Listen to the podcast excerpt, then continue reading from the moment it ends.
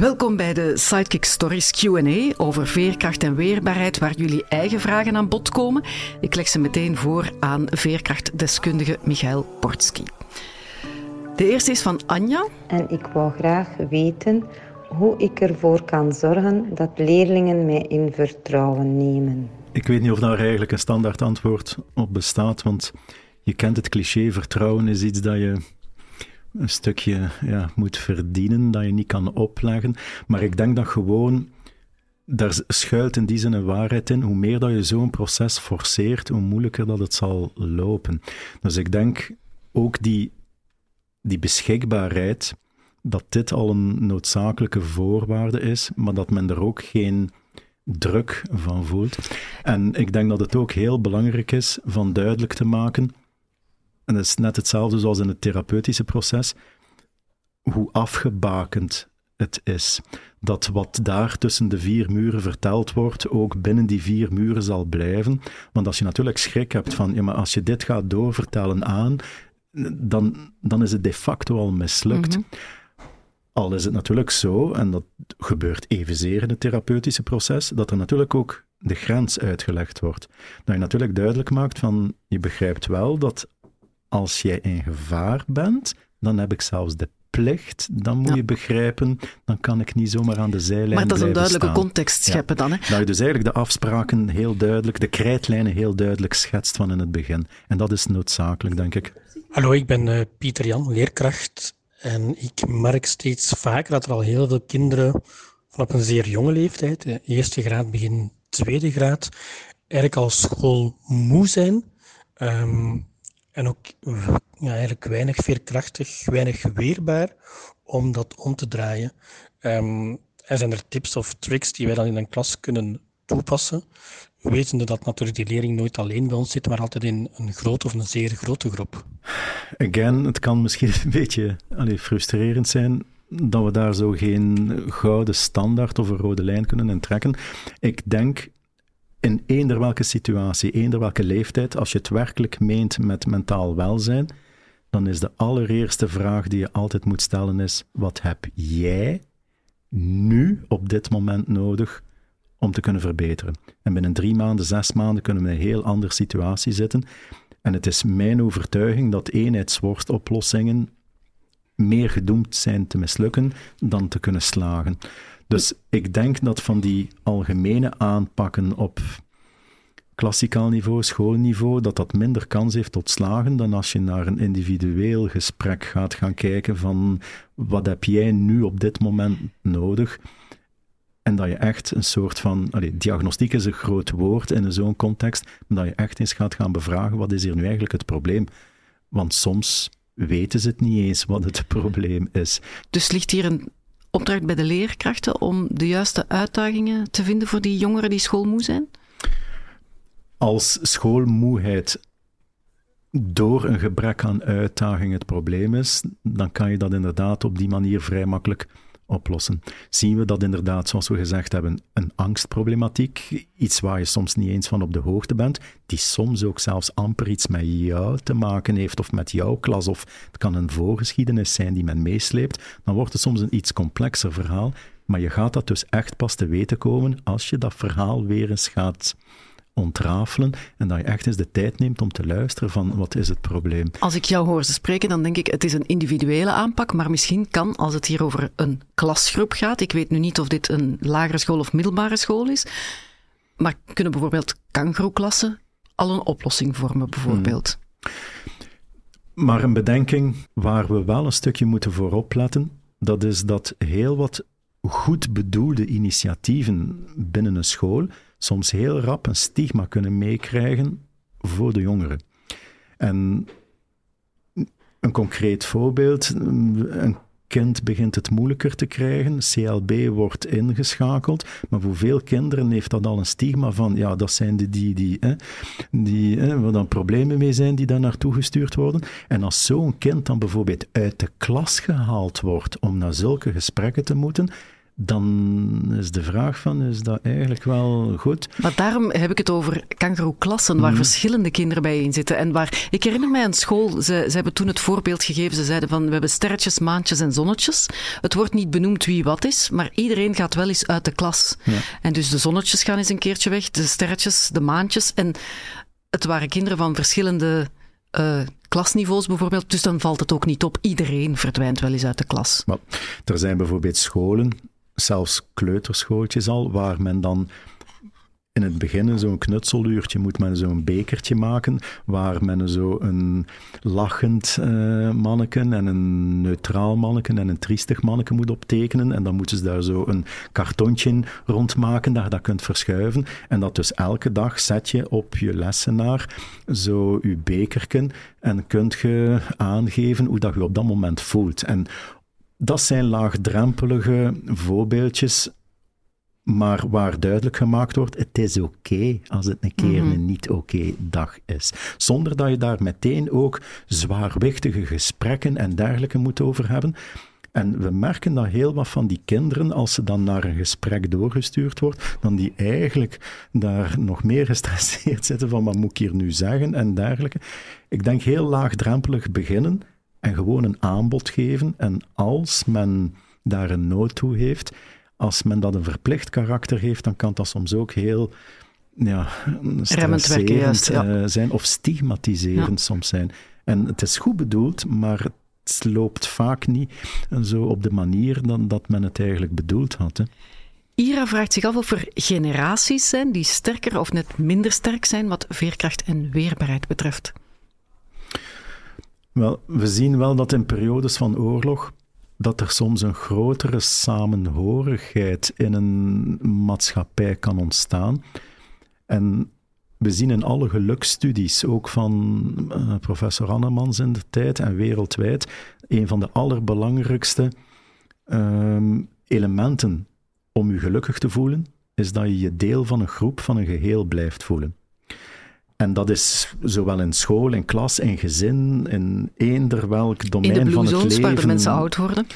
Allemaal hetzelfde. Dat is zo belangrijk dat je het gevoel hebt dat je in die groep past. En dat heeft evolutionair heel wat allez, voordelen, de strength by numbers. En wij zien dat zelfs de dag van vandaag nog de stress, die eenzaamheid of pestgedrag, dat je niet goed in de groep ligt, en dat je dus evolutionair de eerste bent om eraan te zijn als het uh, is.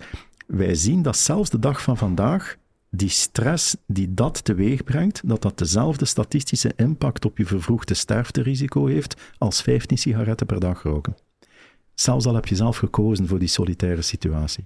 Dus uw deel blijven voelen van een grotere groep, dat blijft een heel belangrijk iets te zijn, ook als het niet goed gaat, maar dat je toch binnen die groep eigenlijk een zekere geborgenheid uh, blijft ja, voelen. Wat dat betreft zal corona een ongelooflijke impact hebben gehad op deze generatie dan. En waar veel naar chatgroepen verplaatste van discussies, waar op den duur de zeer negatief, destructief werd. En sommige directeurs van scholen die kwamen aan mijn mouw trekken, dan die zeiden van, wat moeten wij doen? Dat is hier echt paniek. Wij zien hier sommige klassen waar men in één klas al vier gevallen van eetstoornissen, van automutilatie heeft. Die zijn elkaar gelijk aan het besmetten qua negativiteit. En als dat op gesloten fora gebeurt, is dat heel gevaarlijk. Hè? Hey, ik ben Florence en ik heb een vraag rond weerbaarheid en veerkracht. Namelijk, is het een persoonlijk streven of eerder een maatschappelijke tendens? En daar bedoel ik mee, is het in deze tijden eerder vanuit een intrinsieke motivatie dat we willen groeien in veerkracht en weerbaarheid? Of is het eerder gestuurd door maatschappelijke vereisten met oog op succes en geluk? Dus wat is het van de twee? Ik begrijp haar vraag en het is inderdaad een heel grote valkuil om in die rat race je meegezogen te voelen. En de schoolse situatie met punten en dergelijke is daar eigenlijk soms al een stukje uh, een deel van. Ik denk dat mensen die heel veerkrachtig in dat verhaal staan, vanuit mijn ervaring uh, en de studies die we doen, wij zien dat mensen die heel veerkrachtig in dat verhaal staan, dat die dat enorm kunnen relativeren ook. Het belang van dat financiële succes, maatschappelijke succes. We zien dat die toch een zekere prioriteit kunnen geven aan bepaalde individuele belangen en dergelijke. En dat zie je bijvoorbeeld ook dat bij kankersurvivors bijvoorbeeld of dergelijke, die prioriteiten nadien zijn helemaal anders. En je ziet dat die zich veel minder druk gaan maken in bepaalde kleinigheden, dat die veel meer appreciatie voor andere kleine dingen kunnen hebben. Die prioriteiten zijn helemaal omgeschakeld. En dat zien we zeer gelinkt aan veerkracht. Thomas wil weten of veerkracht soms geen vergiftigd geschenk is. Hij schrijft: Als we met vele leerkrachten en leerlingen het gevoel hebben dat we weinig veerkracht hebben, dan moeten we de verantwoordelijkheid misschien niet zoeken bij de individuele leerkracht of leerlingen, maar bij de context. Een context die misschien te hoge of onrealistische eisen stelt. Is onze veerkracht boosten zonder de context in vraag te stellen en structurele oplossingen te zoeken, dan niet eerder de uitgeperste citroenen nog wat meer uitpersen of de citroenen beter leren omgaan met uitgeperst zijn? Het is heel belangrijk om je grenzen te blijven bewaken. En dit zal in het leerlingenverhaal, het schoolverhaal, aan beide kanten van de lessenaar even belangrijk zijn. Zoals ik zo vaak zeg, je grenzen kennen, je grenzen aanvaarden en ook durven nee zeggen op sommige mm, eh, momenten. En ik weet natuurlijk dat als leerling kan je moeilijk, uh, makkelijk gaan zeggen, nee, nee, uh, genoeg huiswerk nu en dergelijke. Maar bedoel, wij zien bijvoorbeeld heel wat kinderen die buiten de schoolsactiviteiten ook nog heel wat hobby's hebben. Maar hobby's waar je soms het gevoel hebt dat eerder een beetje vanuit de ouders geduwd uh, wordt. Waar ook een heel verwachtingspatroon rond is. Want het is niet gewoon voetballen. Nee, het moet een nieuwe Ronaldo zijn en dergelijke. En dan moet je soms toch ook eens een vraag beginnen te stellen van... Zijn die dingen nog gewoon omdat het plezant is? Of wordt daar nu zelfs ook een druk op gelegd? En dat zien we heel duidelijk aan kinderen die bijvoorbeeld naar de sportscholen gaan, dat daar soms zo'n fenomenale druk op hen gelegd wordt. Op iets dat vroeger net zo plezant was, dat veel van die kinderen eigenlijk gewoon kraken onder die verwachtingen, onder die druk die opgelegd wordt. Volgens mij moet je dan toch ook een evenwicht zoeken, want alleen maar alles leuk, leuk en zonder eens een beetje uitdaging te geven of een duwtje in de rug te geven, want dat moet ook nog kunnen, denk ik. Hè? Maar we moeten er wel mee opletten dat je eigenlijk iets dat oorspronkelijk plezant was om te doen, bijvoorbeeld als sporten, dat je er eigenlijk zo een verwachtingspatroon en een druk rond gaat creëren, dat het eigenlijk... Ook weer stress wordt. Ervoor zorgt dat ze kraken. Hè. Mijn naam is Swat, uh, ik ben leerkracht op het lyceum. En mijn vraag is, op welke manier kunnen we ervoor zorgen dat we uh, ondanks ons vlakke loopbaan, het nog uh, lang kunnen uithouden um, en voldoende motivatie uh, vinden om deze toch wel vrij intense job vol te houden, zonder al te veel aan veerkracht te verliezen. Dank u wel. Het is inderdaad een beetje inherent aan het jobprofiel in heel veel situaties. Ehm, en als dat voor jou een groot probleem is, dan is het inderdaad misschien niet de uh, gepaste job om voor te kiezen. Ik denk dat heel wat heel wat leerkrachten die je kent, die echt in een job doodgraag doen, dat die gewoon daar een intrinsiek plezier aan vinden om wijsheid wat het ook mogen zijn, ervaring een stukje te kunnen doorgeven. En dat is wat ik ook in mijn lezingen en met stagiairs en dergelijke heel mooi vind, dat is iets kunnen doorgeven.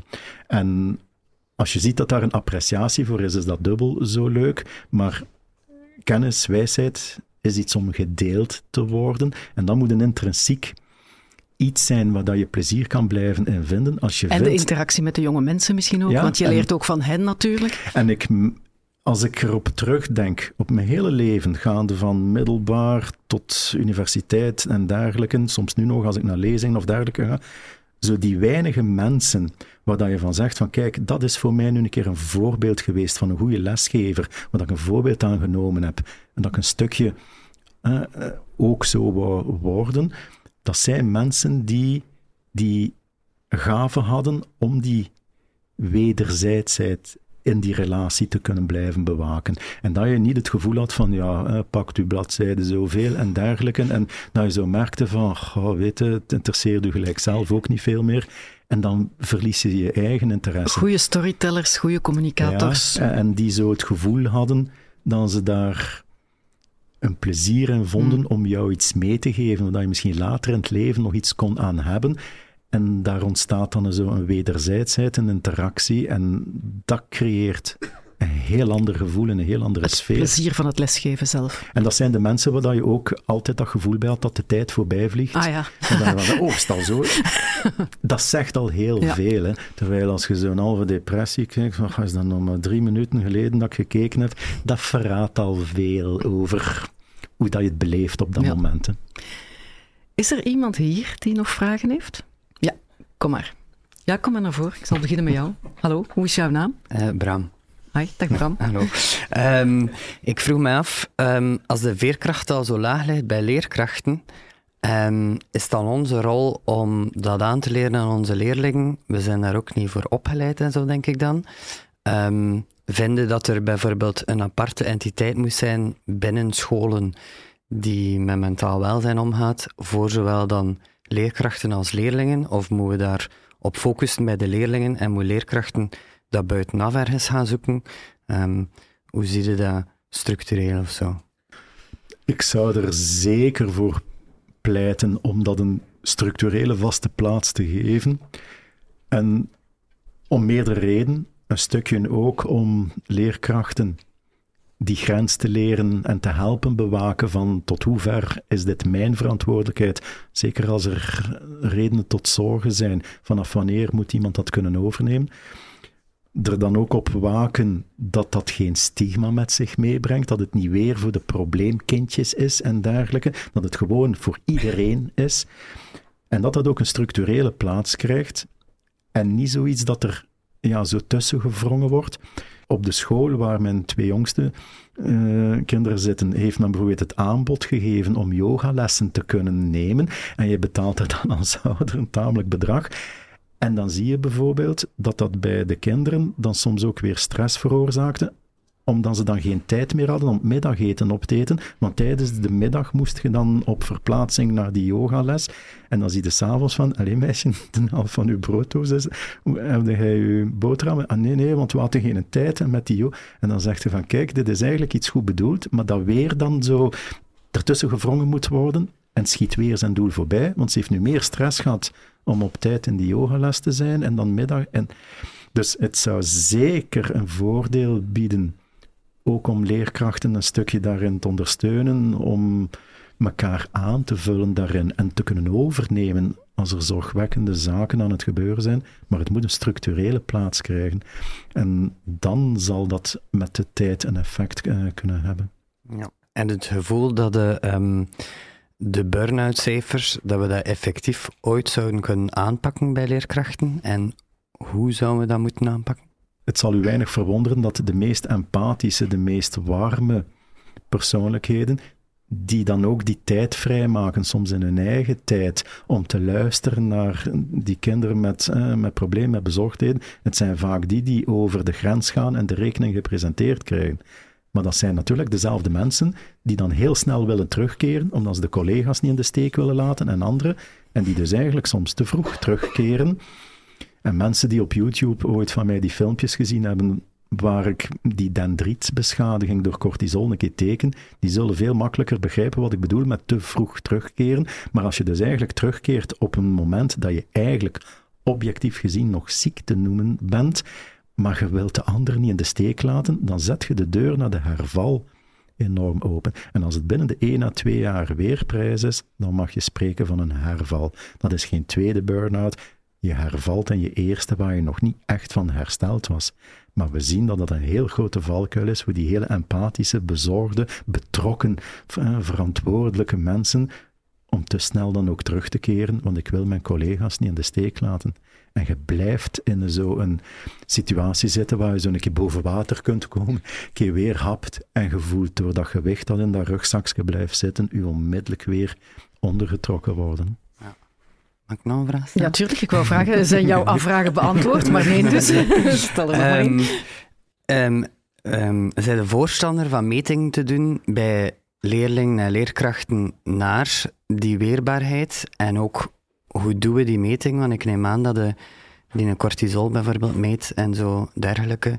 bij mensen toen dat je die burn-out studie hebt gedaan. Ja. Kunnen wij dit zelf ook meten? Gaat het aan de hand van enquêtes of I don't know what? Um, zijn de voorstander dat we dat dan doen? Bij zowel leerlingen als leerkrachten op schoolniveau? Of...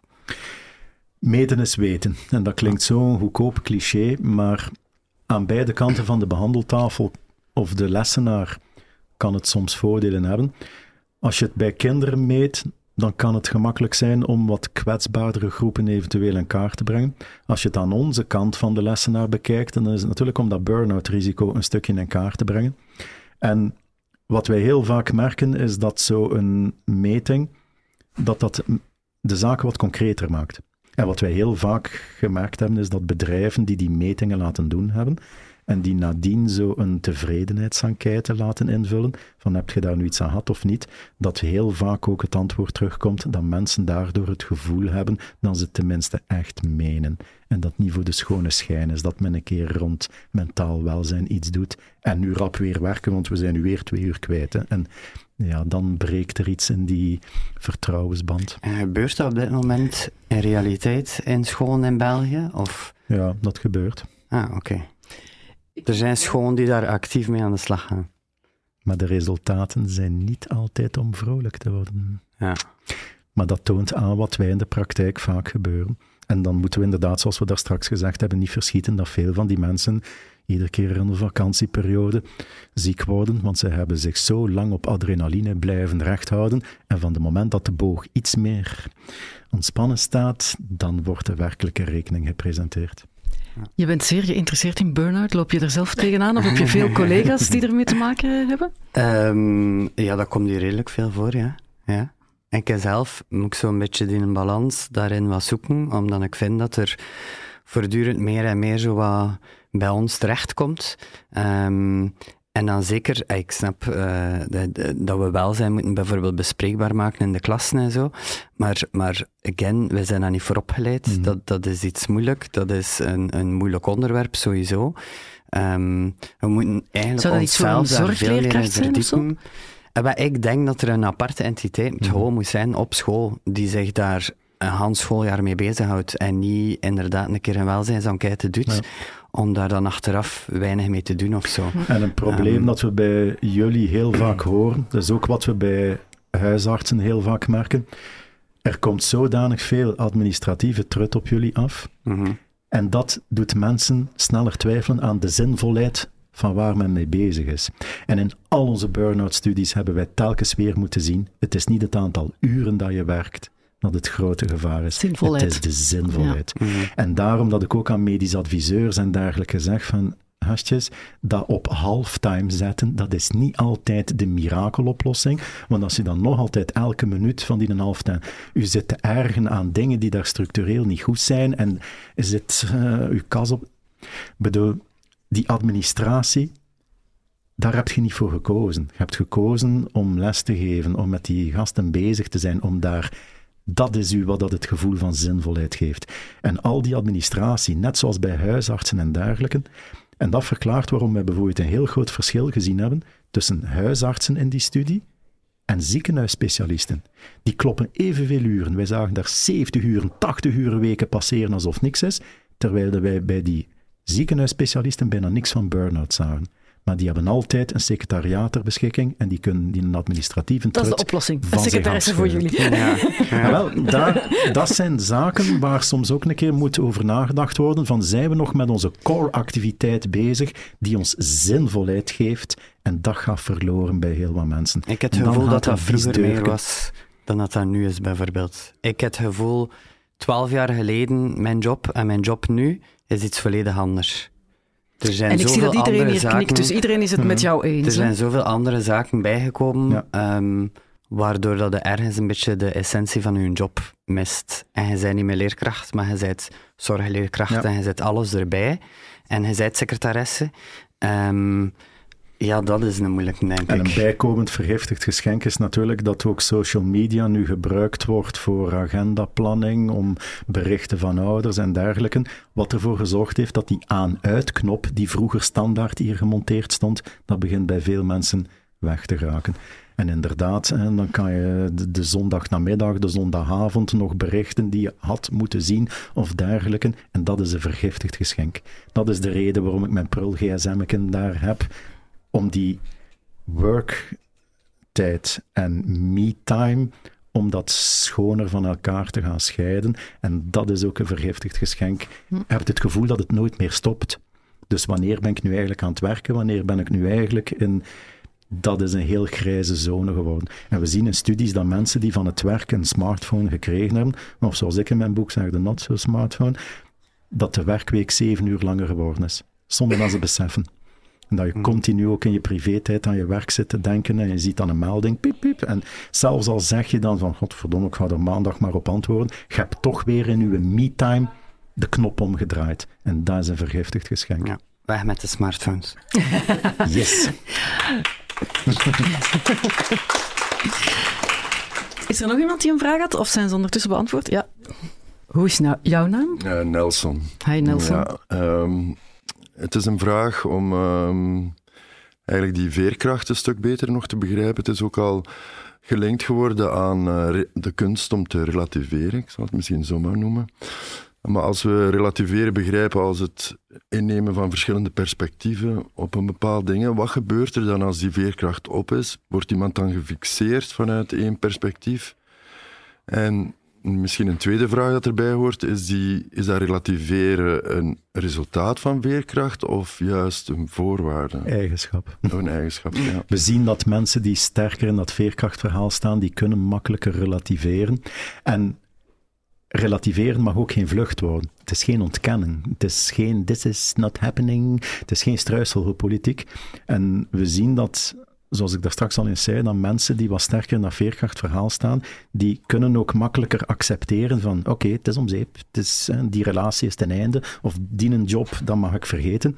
En wij zien dus ook heel duidelijk in burn-out studies die we gedaan hebben, bij die leerkrachten, bij die verpleegkundigen, dat veerkracht heel sterk ook uh, correleerde statistisch met intention to leave the job. En in die zin, hoe hoger je veerkracht, hoe rapper dat je boelke pakt als je zoiets hebt van oké vriend, bent hier gezien, dit komt hier niet meer goed, dag, en ik ben weg. Dus, wie blijft er het langst rondlopen op de werkvloer waar ze zich eigenlijk al niet meer gelukkig voelen? Diegenen die al kwetsbaarder in dat verhaal staan en de deur naar de burn-out staan nog meer open. En dat verklaart aan de andere kant waarom we zien dat jongeren die heel vroeg weglopen van huis, op zeer jonge leeftijd, dat die vaak hoger scoren in veerkracht.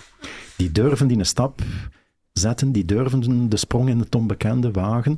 Dus wie blijft er weer het langst in die destructieve opvoedingssituatie? Degene die al kwetsbaarder in dat verhaal staan. Dus relativeren is een typische eigenschap die we samen met die copingvaardigheden, humor en noem maar op, dat zien we heel vaak, intelligentie, en zien we heel vaak bij wat veerkrachtiger mensen. Maar het is geen vlucht, het is geen ontkenning, het is geen dat is weer een ander uh, kantje van het verhaal. Maar, het, is, het, is, bijna zo als je fysiek jezelf verplaatst, dat het dan ook makkelijker wordt om, om bijna je uh, mentaal ook uh, te verplaatsen. Van een keer dat je merkte dat die piekergedachten zo invasief beginnen te worden, dat je niet meer kunt ontspannen, dat je continu, en je zit met je smikkel voor Netflix, maar eigenlijk zit het er niet. En als ze na tien minuten vragen, wie was dat nu weer? Hè? Want eigenlijk, het moteurken hier blijft bezig en je houdt niet voor mogelijk hoeveel energie letterlijk energie dat dat opslorpt.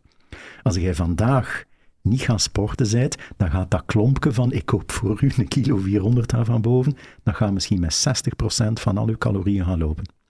Maar als je naar piekeren begint over te gaan, dan zien we dat dat gewoon letterlijk stijgt. Er is zoveel meer glucose die naar daar gaat, omdat dat brein continu continu bezig is. En dat is ook de reden waarom dat ze in een blok tijdens de examens kunnen ze daar zitten snoepen en cola zuipen en dit en dat zonder een gram bij te komen, maar ze uit verschieten wat calorietjes dat dat daar van boven aan het verbranden is. En het gerucht gaat, is dat waar of is dat niet waar, maar dat Einstein, een artiest te groot als Belfort, maar niet van de domste, dat hij een keer twee dagen en twee nachten aan een stuk in zijn zetel op zijn zolderkamer over een vraagstuk zitten piekeren heeft. En die heeft op dat moment een gewichtsverlies van 7 kilo gehad. En als je weet dat 1 kilogram lichaamsvet vet, dat dat 9000 calorieën is. Reken maar uit wat die daar opgesoupeerd heeft aan continu zitten nadenken. En dus ook die grootmeesters bij het schaken en dergelijke moesten weten wat voor gewichtsverlies dat die op zo'n toernooi hebben. Dat is een verschrikkelijk bezig fabrieksken. Maar dat geeft dus ook letterlijk soms een gevoel van uitputting, van vermoeidheid, als dat daar continu in overdrive aan het gaan is. Mm -mm. Oké, okay, dank u wel.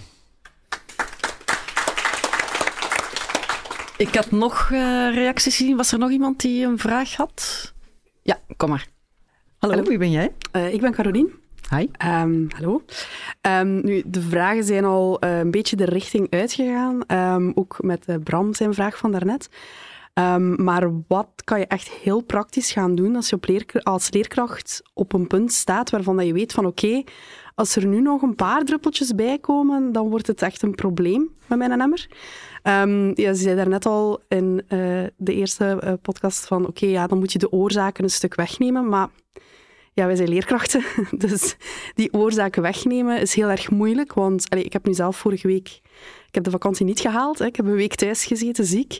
Um, maar je merkt wel dat je jezelf eigenlijk ook een heel stuk straft met dan die week thuis zitten, want het werk blijft wel lopen. Je moet taken voorzien voor je leerlingen, je moet die taken nog eraf gaan controleren, gaan verbeteren.